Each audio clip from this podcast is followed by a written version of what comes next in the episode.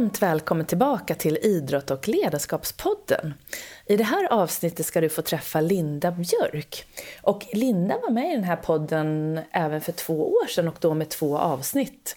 Och även denna gång så pratade vi väldigt mycket och eftersom Linda har så otroligt mycket inspiration och kunskap och tips och råd så blev det här också två avsnitt. Så det här är då det första avsnittet och här pratar vi mycket om mindfulness. Vi pratar om mindfulness intelligence som Linda har utvecklat som riktar sig lite mer kring hur vi människor är programmerade och hur vi ska komma ur de här programmeringarna som inte vi har så mycket användning för. Och där har vi till exempel det som Linda då kallar eh, Mr Stress, vi har Mr Autopilot, eh, Mr Ego och Miss Inner Critic som hon också skriver om i sin bok Inner Business. Så vi pratar om det, vi pratar om meditation, varför det är så bra att meditera, vad det betyder att meditera. Eh, och vi pratar också om vad du kan lära dig från Navy Seals, tror det eller ej. Och till syvende och sist, varför att vara närvarande är det allra, allra viktigaste. Oavsett vart du befinner dig och vad du håller på med. Träna på att vara medvetet närvarande. Så jag hoppas att det här avsnittet kommer att ge dig mycket inspiration och kunskap. Och på slutet av det här avsnittet så har jag faktiskt lagt in en andningsmeditation som jag gör, som du gärna får vara med eh, mig i. Och den är bara i ungefär en minut. Och det är en meditation som jag brukar använda med mina elever och på mig själv när jag behöver ta tillbaka fokus till nuet. Så häng gärna med mig på slutet också och så får du ta del av den. Men nu luta dig tillbaka, ta ett djupt andetag och så kör vi!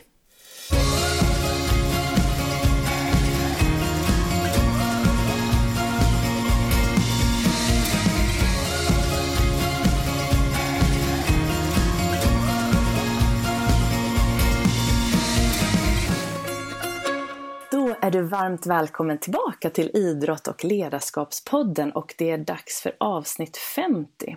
Och idag har jag med mig Linda Björk som också var med i den här podden för ganska exakt två år sedan i oktober 2017. Så Linda är den före detta VDn som också i många tillfällen har kallats för The Meditating CEO då hon tidigt förstod vikten av just mindfulness och medveten närvaro för att nå framgång i affärslivet. Och hon jobbade då framgångsrikt som VD i över tio år och idag jobbar hon med att lära ut mental styrka genom bland annat mindfulness till företagsledare världen över. Hon har skrivit den populära och revolutionerande boken som heter Inner Business och den handlar om hur du tar hand om din så kallade inner business för att nå yttre framgång. Varför du ska lita på din magkänsla, hur du lär dig att fokusera på rätt saker, varför vänlighet är en av de viktigaste verktyg du har och hur du genom att lära känna Mr Stress, Mr Ego, Mr Autopilot och Mrs Inner Critic kan lära dig hur du hittar balansen i tillvaron. Linda har mediterat dagligen sedan 1996 och bor idag tillsammans med sin dotter i New York. Och idag är då Linda med mig via Skype från just nu också. Varmt välkommen hit Linda! Åh, tack fina Jenny! Tack, tack! Det är jätte, jättehärligt att vara tillsammans med dig igen. Ja, det känns fantastiskt. Och eh, nu undrar jag då om jag har missat något i din presentation här, om det är något du vill lägga till eller så? Ja, äh, det är en jättefin inledning och, och, presentation. Och jag tror att den balansen som jag har försökt hitta både inom mig själv och i mitt eh, lärande är eh, att faktiskt hitta balansen mellan de här verktygen som vi kan få från mindfulness och den här lite djupare medvetanderesan och vetenskapliga rön. Därför att det finns så otroligt mycket från, inte bara neurovetenskapen, men även från kvantfysiken och från metafysiken som vi verkligen kan lägga in, vika under. Det finns mycket att förstå under de här lagren av eh, vad det innebär att vara människa och vad det innebär att vara ledare. För det är ju eh, lite, lite komplext ibland. Mm. så, så, ja. Um, ja, vad spännande. Och det där, är, det där tror jag är väldigt, väldigt eh, viktigt för många när man kommer in på de här områdena som vi kommer prata om en del idag ändå. Det här med mindfulness och meditation som är fantastiska stödverktyg i eh, våran strävan, kanske man kan kalla det, efter att bli goda ledare och goda människor. Eh, men att man har den här vetenskapen som också kanske ännu grundligare visar på vilka effekter som finns när man gör det här. Eftersom vi lever, alltså här där vi är, är ju i väst, där vi har format ett samhälle där vi är och det känns viktigt. Så det tror jag är jättebra att försöka jobba med den där balansen. Mm. Verkligen. Men, men vad gör du just nu? Hur, hur kan en dag i ditt liv se ut idag? Nu är det morgon hos dig eller? Ja, nu är det tidig eftermiddag och tidig eftermiddag. Mm. Ehm, jag, har, ehm, jag börjar varje dag med att meditera. Det är det första jag gör. Och Ehm, så även i morse. Och någonting nytt jag har börjat med det är att jag eh, kallpressar min egen sellerijuice varje morgon. Så jag har hoppat på den Eh, aspekten av eh, hälsa. Jag är verkligen inte hälsan själv, det ska jag inte säga, men, men det finns någonting i effekten av just den här eh, biologiska kallpressade eh, sellerijuicen som jag dricker på morgonen som jag faktiskt kan känna och uppleva på insidan är inte bara gott, för det är nog inte det första jag skulle beskriva, men det är också det är jättemärkligt, det är som att det reser igenom kroppen på ett helt annat sätt än om jag äter någonting annat eller mm. dricker citronvatten eller vad det nu kan vara. Det ja, så jag vill inte verka så här stört flummig med en gång, men, men, äh, för det kan jag erkänna senare. Ja, äh, men, men äh, det är någonting jag gör Ja, men, det... men annars är en, en typisk dag för mig eftersom jag jobbar som, som um, executive coach är ju att jag har massa olika uppdrag och, och människor, olika ledare jag jobbar med i olika format. Och um, just idag gick jag och skaffade nytt körkort på DMV här i Manhattan så det var lite annorlunda start på dagen idag. Just det. Mm. så man, man kommer liksom aldrig runt de här vardagliga måstena och det är ju lämna unge på skolan och alla de där bitarna inmixade i det som förhoppningsvis är ett um, arbete som känns meningsfyllt och glädjefullt. Och så, så känns det för mig. Mm. Och hur länge har du bott i New York? Sen 96. Ja, det är så länge nu. Ja, ja, Fantastiskt. Och du trivs bra? Du har inga planer på att flytta tillbaka till Sverige eller någonting sånt? Jag har inga planer på att flytta tillbaka till Sverige. Ehm, men livet kan ju ändras på en femöring, det vet vi ju alla. Och, ehm, men däremot så drar landet mer nu. Ehm, naturen och landet och min dotter har särskilda behov så att jag går, hon går i en skola här på Manhattan som är jätte, jättebra för henne just nu. Men men jag hoppas att vi kan med hennes utveckling också faktiskt kunna lämna New York. Um, nej men gud, bara jag säger det så blir jag ju helt nervös. jag kanske kan ha båda. Ja, uh, faktiskt. Det men kan, jag, ja. ja, och jag jobbar ju en hel del i, i Sverige fortfarande så det känns som att jag känner, jag känner mig väldigt förankrad i, i, i Sverige och jag um, har många svenska klienter och Ehm, det, det, känns som att jag lever väldigt mycket som en svensk person fast med en internationell eh, atmosfär. Mm. Och, och sen idag går det ju att verkligen jobba vart man än är med tanke på att vår kommunikation är så bra. Så att om man väl har träffat en person så kan man ju ha mycket arbete som görs, till exempel som vi gör nu via Skype. Eller, så att man kan ju oavsett om man bor på landet eller i en stad så är det ju otroligt mycket mer möjligheter nu att jobba nästan som man gör, även om man inte är på samma plats. Det är helt sant. Och för några år sedan hade jag inte trott på det lika mycket som jag gör nu. Därför att en sak som jag har börjat med mer de senaste par åren det är att jag gör väldigt mycket av mitt arbete online. Jag älskar att tala inför publik, jag älskar att träffa människor och, och verkligen känna den här energin i rummet. Det, det, det finns ingenting som, som eh, är jämförbart egentligen. Men de här programmen som jag har online är, har, har visat sig vara mer transformativa för att vi har möjlighet att vara, det finns en frekvens, det finns en tillgänglighet, det finns en lätthet som gör att folk they show up. det är mm, alltid mm. första regeln av, av det mesta.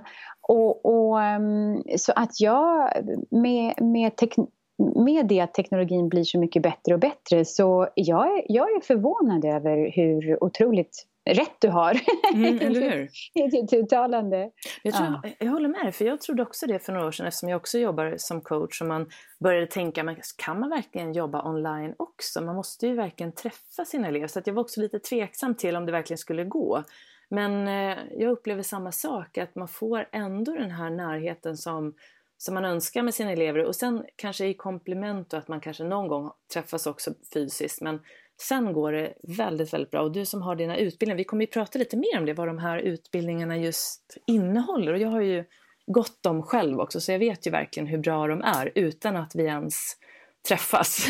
Även om vi ändå har träffats personligen så är de helt fantastiska verkligen. Men du, sedan du var med här i podden senast, vilket då var oktober 2017, precis två år sedan, så har det ju hänt en hel del. Vad skulle du säga är skillnaden på dig idag jämfört med för två år sedan? Hmm. För två år sedan? Um, det känns som att jag har... Um, jag känner mig mycket mer modig nu för tiden det känns som att jag, eh, jag vet inte om det bara är det att jag håller på att bli äldre, pushing 50. Um, ehm, men det är någonting med att jag, jag har liksom inte tid för för mycket krusiduller och trojanska hästar utan jag, jag, eh, jag är, det känns som att mitt arbete har fördjupats väldigt, väldigt mycket och jag har varit själv på en, eh, jag går ju också utbildningar hela tiden, jag har varit på en väldigt fördjupande resa själv och jag märker att det blir väldigt stor skillnad i hur jag både föreläser och hur jag tar mig an de program jag har. Så det, det, det är absolut någonting mycket djupare i som är den största, största skillnaden jag skulle vilja säga. Mm. Och och, och, det är ju då i kombination med att jag gör mycket arbete online. Och det låter ju som helt två olika saker. Mm. Men det har verkligen funkat för mig på, på så vis. Mm. Och sen så har jag under den här tiden både mm, färdigställt, utvecklat klart och testat ett intelligenssystem för ledare som heter Mindfulness Intelligence och mm, det är en stor skillnad för två år sedan att det finns en mycket, mycket större klarhet, tydlighet för mig som lärare. Inte bara vad är det vi behöver göra för att inte må så himla dåligt på jobbet utan verkligen hur kan vi kliva in i en, på en helt ny nivå inom oss själva. Mm. Jag tycker jag ser det också för att jag gick ju den här första kursen du hade som var mer inriktad på mindfulness based stress reduction som en åtta veckor man jobbar med de här nio attityderna och ja. meditationen och sen då, och det gjorde jag nog för ungefär två, två år sedan och sen så efter det gått det här så att man, jag tycker man kan följa det själv också, eh, den här fördjupningen och det är den som jag är så nyfiken på att prata lite mer om med dig här när vi kommer in på just ledarskap. Men jag tänkte apropå tydlig skillnad och saker som händer när tiden går. Tycker du att du märker någon skillnad hos dem du coachar om de, om man säger de, eh, oftast har man ju några utmaningar man jobbar med. Är det någon större skillnad som du har märkt liksom de senaste två åren hos dem? Ja, och här får jag nog skilja lite grann på den amerikanska och den svenska marknaden. Därför att den amerikanska marknaden vad det gäller sådana här saker är efter den svenska. Mm. Så det finns en större öppenhet i Sverige att ta så kallade mjuka värden på allvar och förstå eh, hur de här så kallade mjuka bitarna eh, är kopplade till affären. Mm. Eh, och jag tycker att det har funnits ett mycket mer omvårdande ledarskap i Sverige mycket längre än vad det har funnits här i USA. Så jag ser en ganska stor utveckling i USA vad det gäller en öppenhet. Jag har ju alltså mansdominerade stora industrier och företag som kommer till mig och säger uh, vi vill jobba med, med kindness. Mm. Och jag bara, excuse me? Hur blir vi som byggföretag snälla? Mm. Hur blir vi som techföretag vänliga? Och, och, och det, det, är sådana saker som jag inte har hört tidigare. Och um, det tycker jag bådar väldigt, väldigt gott. Sen så um, på den andra sidan så är jag förvånad med tanke på hur mycket verktyg och, och eh, vetenskap, olika sätt att ta sig ur allt det här som vi kämpar med som människor och som ledare. Så jag är förvånad över att det fortfarande är sån extrem sjukskrivning i mm. Sverige baserat på akut och långvarig stress. Mm.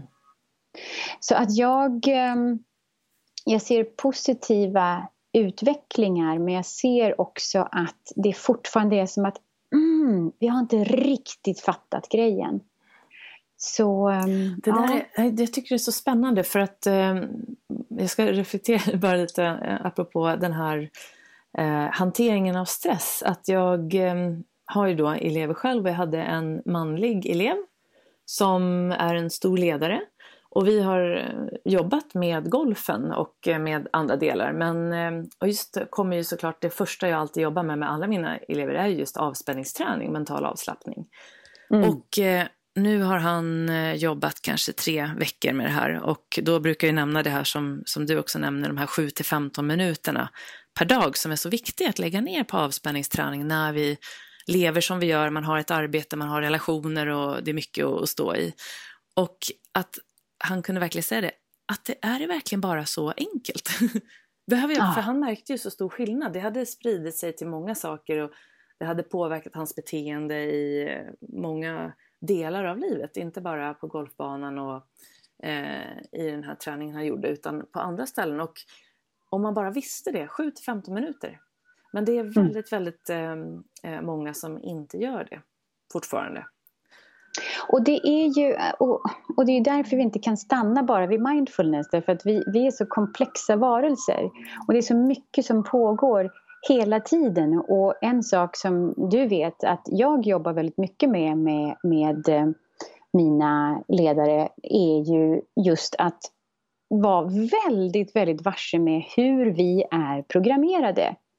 Och det han uttrycker är ju med en gång en superclash. Det blir en krock mellan det vi, speciellt i Sverige, är programmerade med. Vilket är det att vi måste offra, vi måste lida, vi måste jobba hårt för att mm. komma någonstans. Mm. Så att här kommer en lösning som tar tio minuter om dagen. Och det låter för bra för att vara sant. Därför att det vi är programmerade med är att det ska vara svårt, det måste vara svårt. Mm. Så jag, jag eh, eh, det är därför det blir så farligt att, att, att stanna vid mindfulness. Mindfulness intelligence, det här systemet som jag har, det, det, det är en större matta och, och självklart är ju emotional intelligence även en, en del av det. Men, men eh, mm. vi är ändå så pass komplexa och vi är så otroligt omedvetna vad som pågår inom oss. Tills vi inte är det längre. Nej, men det är precis. därför vi pratar om sådana här saker. Ja, men exakt. Så på ett sätt låter det enkelt men ändå är det mycket svårare om man inte riktigt förstår och jobbar med det med helheten så att säga. Ja, men vi vet vad vi ska göra för att vara hälsosamma, gå ner i vikt och eh, må bra. Vi vet vad vi ska göra. Det är bara det, vi vill inte höra att vi ska sova ordentligt, äta god mat och eh, hålla en god kosthållning, motionera, eh, eh, vara glada. Alltså vi vill inte höra de där grejerna. Det låter ju... det, det, och, och, och, då blir den stora frågan varför? Mm. Varför vill vi inte lyssna på de sakerna? Varför eh, är det så pass att vi inte tror att vi är värda? Och jag ser det hela tiden, att det finns en sån extrem idé hos i princip alla jag jobbar med att de inte är värdiga. Mm. Och, och, och, det, är, det är ingenting man kommer över i en klackspark. Jag menar myntet kan trilla ner snabbt, det är inte det. Men vi, vi, vi måste också få chans att få insikter angående det här och uppleva oss själva som extremt värd, värdiga. Eh, och jag brukar säga det till, till alla jag talar inför och som jag jobbar med. att eh, vi, vi är ju 17 levande mirakler. Och här är vi och, och, och, och konstant kritiserar oss själva och ifrågasätter oss själva och klankar ner på oss själva. Och det, det är så sorgligt. Mm. Så sluta göra det. ja, så bra. Men, men jag tänker på om vi backar lite och pratar just om meditation. Och eh, jag nämnde i introduktionen då att du har mediterat sedan redan 1996. Ja. Eh, det är över 20 år sedan. Och att idag har ju då meditation blivit mer vanlig hos gemene man. Det finns ju appar och, och många, man hör, jag tycker att jag hör det mer och mer. Vad, vad, vad upplever du är den största fördelen med att just meditera? Oh, um, det finns flera sätt att, att, svara på den frågan och det beror lite grann på vad man är ute efter och vart man själv är i sin egen medvetandeutveckling. Men om vi bara börjar på en sån här, bara på ett väldigt enkelt och inte så himla djupt plan så blir vi lugnare. Vi blir mer fokuserade. Att meditera är verkligen att träna på sitt eget fokus på någonting som är skittrist, vilket är sin andning, sin kropp, mm. att man mm. går. Alltså det är jättetråkigt egentligen. Mm. Eller ett mantra. Men blir vi bra på att fokusera och kan hålla vårt fokus på saker som är jättetrista så, blir vi, så, så är det ju en baggis att hålla fokus på en prestation. Där händer det ju lite grann i alla fall. Vi kan läsa flera sidor text utan att, utan att, att komma av oss i, i tanken och, mm. och koncentrationen. Så det finns ganska omedelbara... Sen kan man titta på det på, på en fysisk plan. Vi får ju lägre puls. Eh, vi får lägre stressnivåer. Vi får till och med lägre informationsnivåer i blodet vilket gör att vi blir mycket bättre på att motstå allt från förkylningar till cancer. Så det, det finns bara... Eh, och sen så kan vi ju då Um, jo, så blir man på mycket bättre humör tycker jag. Mm. jag kan vara riktigt mm. pissig. Mm. så, så ner och, och det är inte att förringa tycker jag. Um, men sen finns det också ett, eh, och allt det här är toppen. Men det finns också ett djupare svar. Det finns ett svar som handlar om att man faktiskt börjar lära känna sig själv i stillhet. Man börjar lära känna sig själv, vem man egentligen är bortom all bullshit som vi har lärt oss i livet som inte har med oss att göra. Som inte har med vårt sanna jag att göra. Så på ett djupare plan så har vi helt plötsligt möjlighet att förstå vad vi är ute efter i livet och det är det största godiset tycker jag från meditation. Mm. Och om någon som lyssnar som eh, inte har provat meditation och kanske inte ens riktigt vet vad det är, för det är ju ett, ett begrepp som man hör mycket men man kanske inte riktigt vet. Hur skulle du förklara, vad gör man när man mediterar? Um, det är det finns flera svar på det för det finns olika meditationstekniker. Just det. Metoder. Um, och jag tror att man skulle kunna dela upp det i mantrabaserade typer av meditation. Och så finns det mer eh, faktiskt som är nästan alla baserade då på mindfulness-based stress reduction. Så om vi tar det här i ordning så är det helt enkelt så att när man har ett mantra så blir man oftast tilldelad ett mantra från någon som är någon form av eh, mästare på just den tekniken. I mitt fall så så um, fick jag mitt mantra i Transcendental Meditation som är en viss typ av teknik. Mm. Um, och det är ett mantra som jag upprepar i mitt sinne 20 minuter två gånger om dagen. Mm. Och um, det är en meditationsteknik som funkar jättebra för mig. Jag själv lär inte ut TM, som det, ja, Transcendental Meditation, utan jag lär ut mindfulness. Men för att stanna på det här med eh, mantrabaserat så när, när man då repeterar ett mantra och håller vid det i sinnet så slutar tankeverksamheten på åtminstone fungera på exakt samma sätt som den gör när vi inte mediterar. Och det här eh, kommer väldigt mycket av att hjärnan alltid, alltid, alltid producerar tankar. Och det är hjärnans jobb att hela tiden producera tankar. Så att vi, när vi sitter och gör ingenting, till och med när vi sover, så är det fortfarande så att vi, vi slutar inte att tänka. Så, så vi vilar aldrig från de här programmerade, automatiserade, jag tror det är någonstans mellan 85 och 95 procent av de tankar vi har som bara är repeterade tankar och som är helt onödiga för oss. Mm. Det vill säga, det är inga stora snilleblixtar vi kommer på direkt. Mm. och, så vad vi då gör när vi leder oss själva bort från den här onödiga tankeverksamheten är att vi vilar våra nervsystem väldigt, väldigt djupt. Djupare än när vi sover. Så det är, det, det är väldigt kraftfulla grejer rent eh, för våra system när, eh, när vi gör det här. Och, och, och ett sätt att göra det är ju då genom att repetera ett mantra. Mm. Ett annat sätt är att fokusera på väldigt vanliga funktioner. Det är det som är så briljant med mindfulness-based stress reduction. Och det är ju då utarbetat av John, Kabat-Zinn och han började redan 1979 med det här. Så att det här är ju otroligt väl dokumenterat, undersökt och det finns mycket vetenskap som stödjer hur precis man gör det här. Och det som är så otroligt fördelaktigt med mindfulness-based stress reduction det är att man kan välja lite grann. Det finns fyra olika formella meditationstekniker inom mindfulness. Så vi kan fokusera på andningen. Eller så kan vi göra en bodyscan. Och det är verkligen att man gör en kroppsskanning. Man faktiskt flyttar sitt fokus från bit till bit i kroppen och det gör man också på ett speciellt sätt.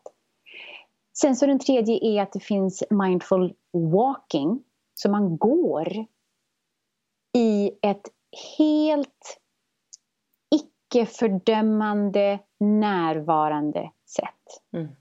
Så man är precis i det man gör och upplever sig själv så som man redan är. Så det är inga mantran, det är inga manipulationer, utan observerar det som är. Det finns någonting väldigt um, omvårdande, väldigt självvårdande med det. Och den fjärde formella är um, mindful movement.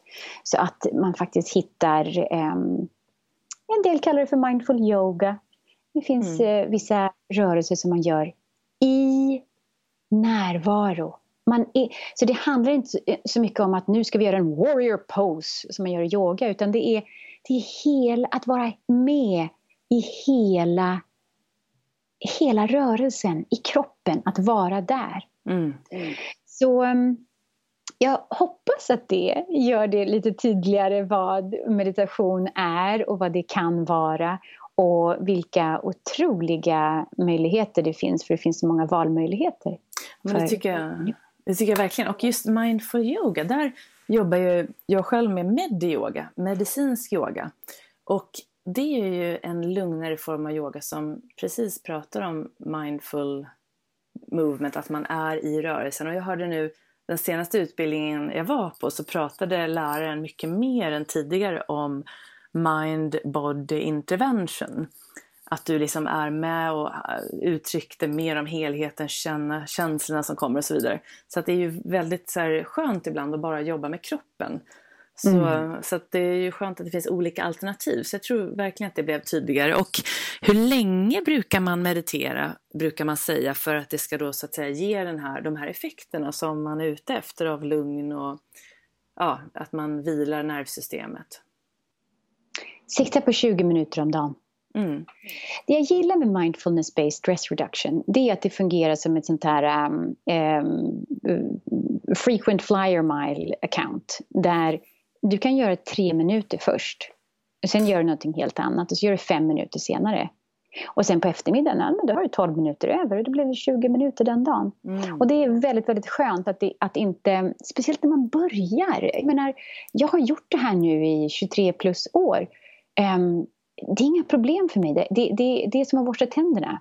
Fast jag gör det i 20 minuter och det är meditation. Mm. men det är bara det, det, det, är en sån självklar del av min dag, men det är det inte för alla.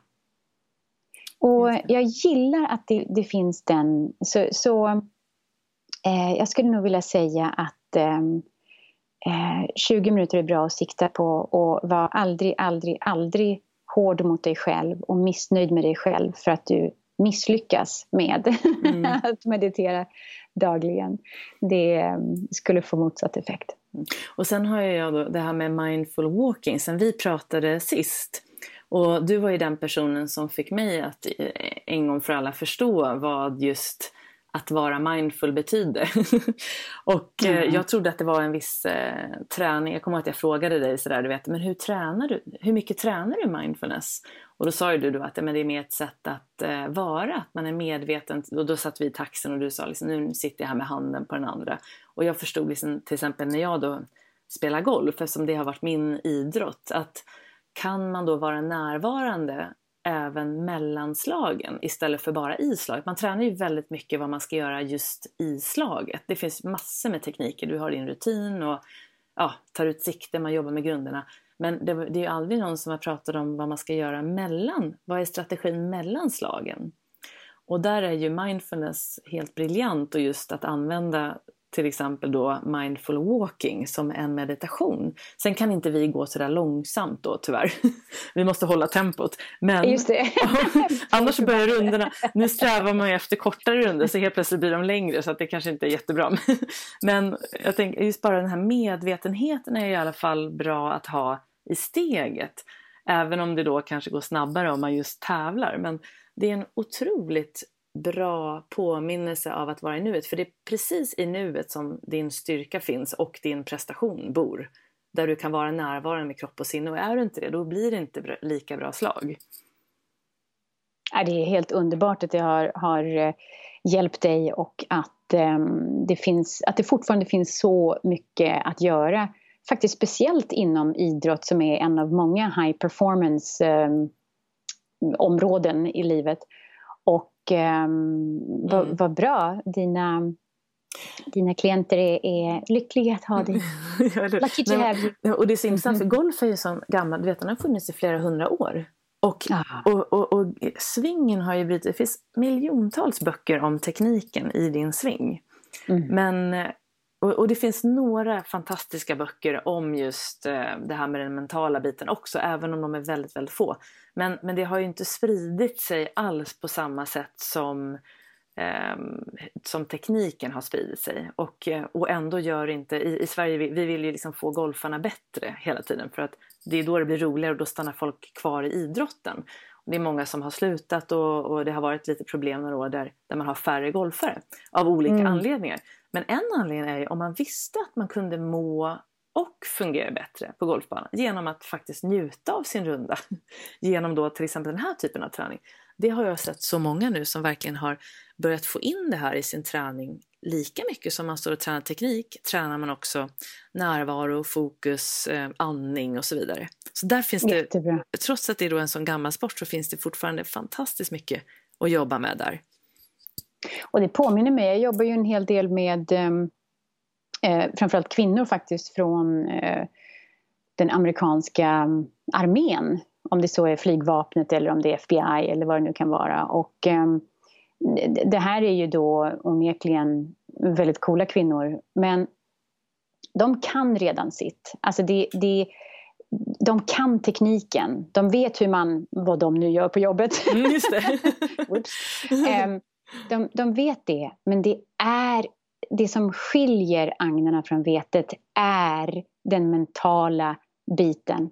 Och de är ju i extrema situationer som är väldigt, väldigt plötsligt stressande och att då kunna ha den närheten. Och eh, det finns en, en, ehm, ett uttryck ehm, i, ehm, som The Navy Seals säger jag tar det på engelska så kan vi översätta det. Mm. You don't rise to the occasion. You sink to the level of your training. Mm. För vi har ju, och det är ja, eh, svårt att översätta det exakt till, till, på svenska, men, men vi har ju någon sorts idé om att eh, när det väl smäller till då kommer jag att bli Stålmannen. Just det. Men men det är inte det som gäller, det är inte det som är. Utan det som är sant är att när kris händer, vilket tyvärr händer 45 gånger om dagen nu för tiden, mm. för vi är så extremt eh, bombarderade med saker hela tiden, så sjunker vi till den nivå vi har på vår egen träning. Vad är vi tränade i? Vad är vi automatiskt bra på? Och om svaret på din lilla lista inte är att vara närvarande, då är det kört. Mm. Ja, det, där, det är precis så som, som, som jag själv upplever. Men också när man tänker att du kan ju då, om man tar idrottare, de tränar och de är fullt fysiskt eh, fit och du vet med tekniken sitter och så blir det en pressad situation som man inte har ja. varit med i. Och då helt plötsligt är det som att den där tekniken och fysiken inte spelar någon roll. Och fortfarande är det ju väldigt vanligt att tekniken och fysiken det är ju lättare att träna på och kan man träna upp sin kropp och bli stark så självklart så stärks ju hjärnan också.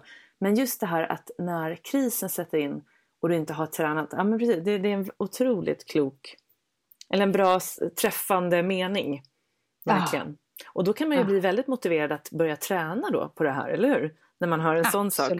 Och att till och med du kan känna att som, när man tittar utifrån så tror man ju att de är liksom perfekta i allt när man jobbar i den typen av eh, jobb. Men att det även där finns saker man kan jobba med för att bli ännu bättre på närvaro. Ja, mm. och, och, det är ju så att eh, om vi ska översätta det till, eh, till affärsspråk så älskar jag ju citatet som Russell Simmons eh, säger, han som är en sån hiphop-guru. Han säger det, you can't make money in the future, you can't make money in the past. You have to be present. Mm. så ju, hur man än vrider och vänder på det så är det, vi, vi, vi kan inte göra någonting imorgon. Nej. Men så, så jag tänker på din bok, du har ju skrivit den här boken Inner Business, det var några år sedan nu, eller hur? När var det den kom ut? Tre år sedan. Tre år sedan. Och den ja.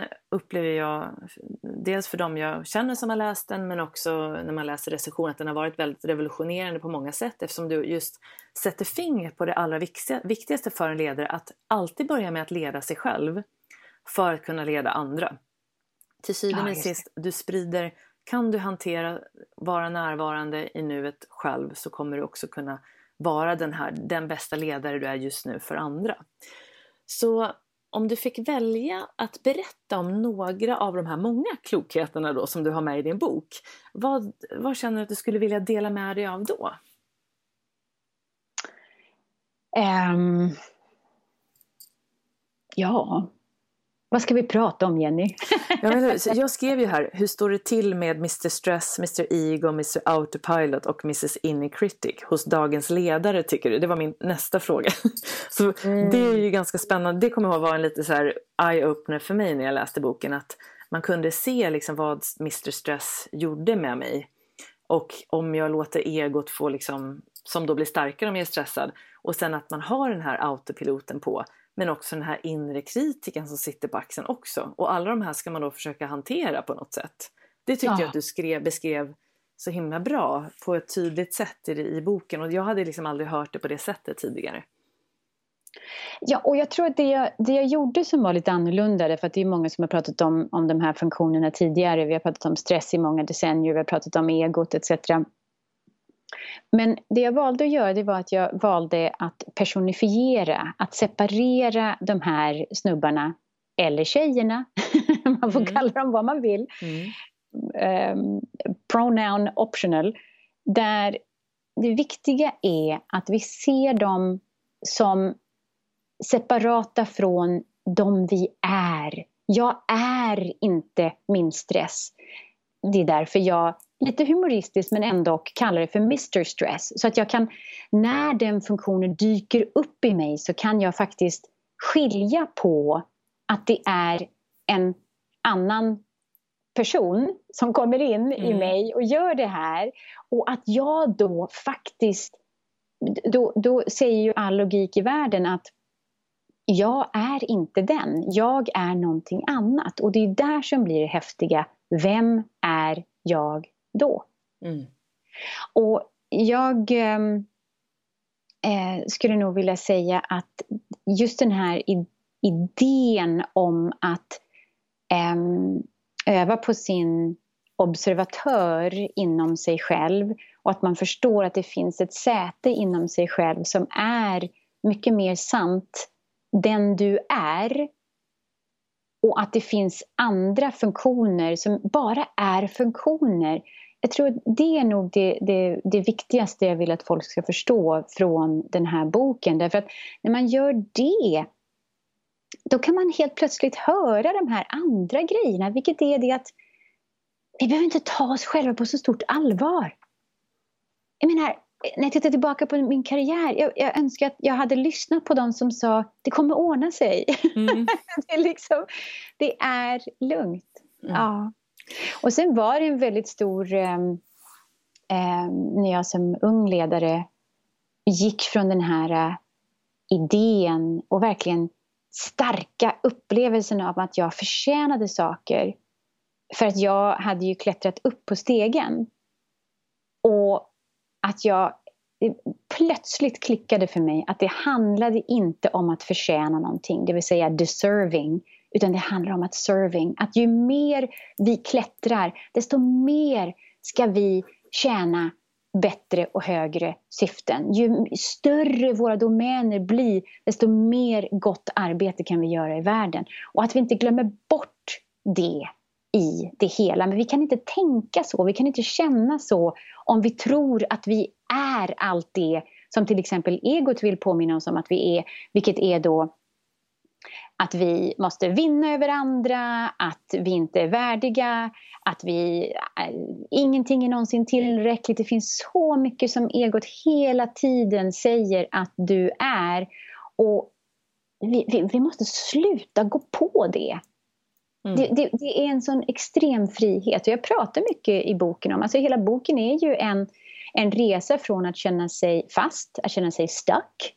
Boken är på engelska. Mm, mm. att, och, och, resan är då till att känna sig fri. Mm. Yeah.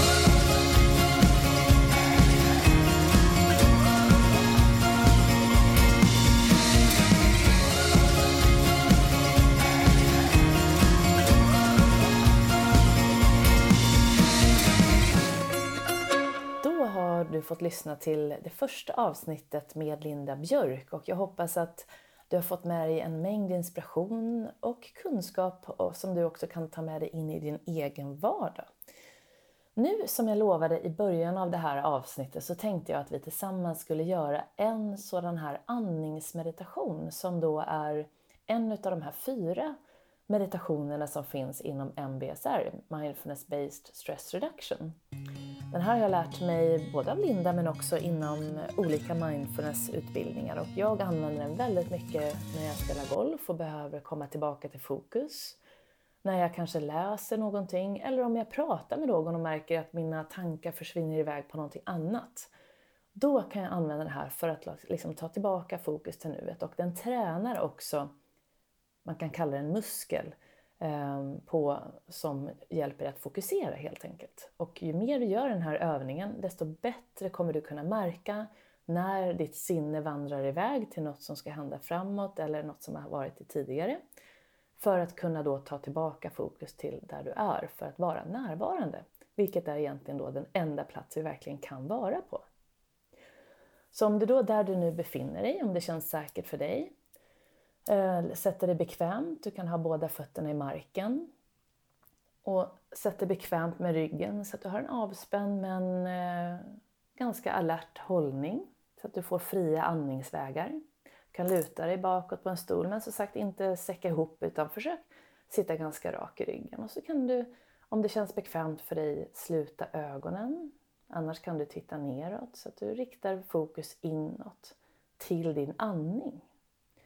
Så du bara börjar rikta uppmärksamheten till din andning. Och du kan känna hur axlarna slappnar av. Hur musklerna kring ögonen slappnar av. Pannan är slät. Och du bara fortsätter andas. Och nu kan du börja andas in och ut genom näsan om du inte har gjort det redan. Och så kan du känna hur magen slappnar av. Ibland går vi och håller in, håller magen. Kanske omedvetet, så bara låt den släppa ut. Och bara fortsätt andas en liten stund. Bara acceptera din andning så som den är just nu. Ibland är den ju lite ytlig och snabb. Du kanske upplever att det känns spänt någonstans. Då bara accepterar du det och bara fortsätter att andas. Och nu ska du få ett ankare av, av mig som du ska fokusera på nu under en minut. Och det är temperaturen på luften som du andas in och ut genom näsan. Så om du bara börjar rikta uppmärksamheten till temperaturen på luften du andas in och ut genom näsan. Då kanske du känner att den är lite svalare när du andas in. Och kanske lite varmare när du andas ut. Och det är precis det här du ska fokusera på nu den närmsta minuten. Tills jag säger till. Och när då dina tankar försvinner iväg på någonting annat som du kanske hör eller börjar tänka på så bara accepterar du det, släpper taget om det och vänligt men bestämt för tillbaka fokus till det du har bestämt. Vilket är temperaturen på luften du andas in och ut genom näsan. Och så gör du det nu i en minut tills jag säger till.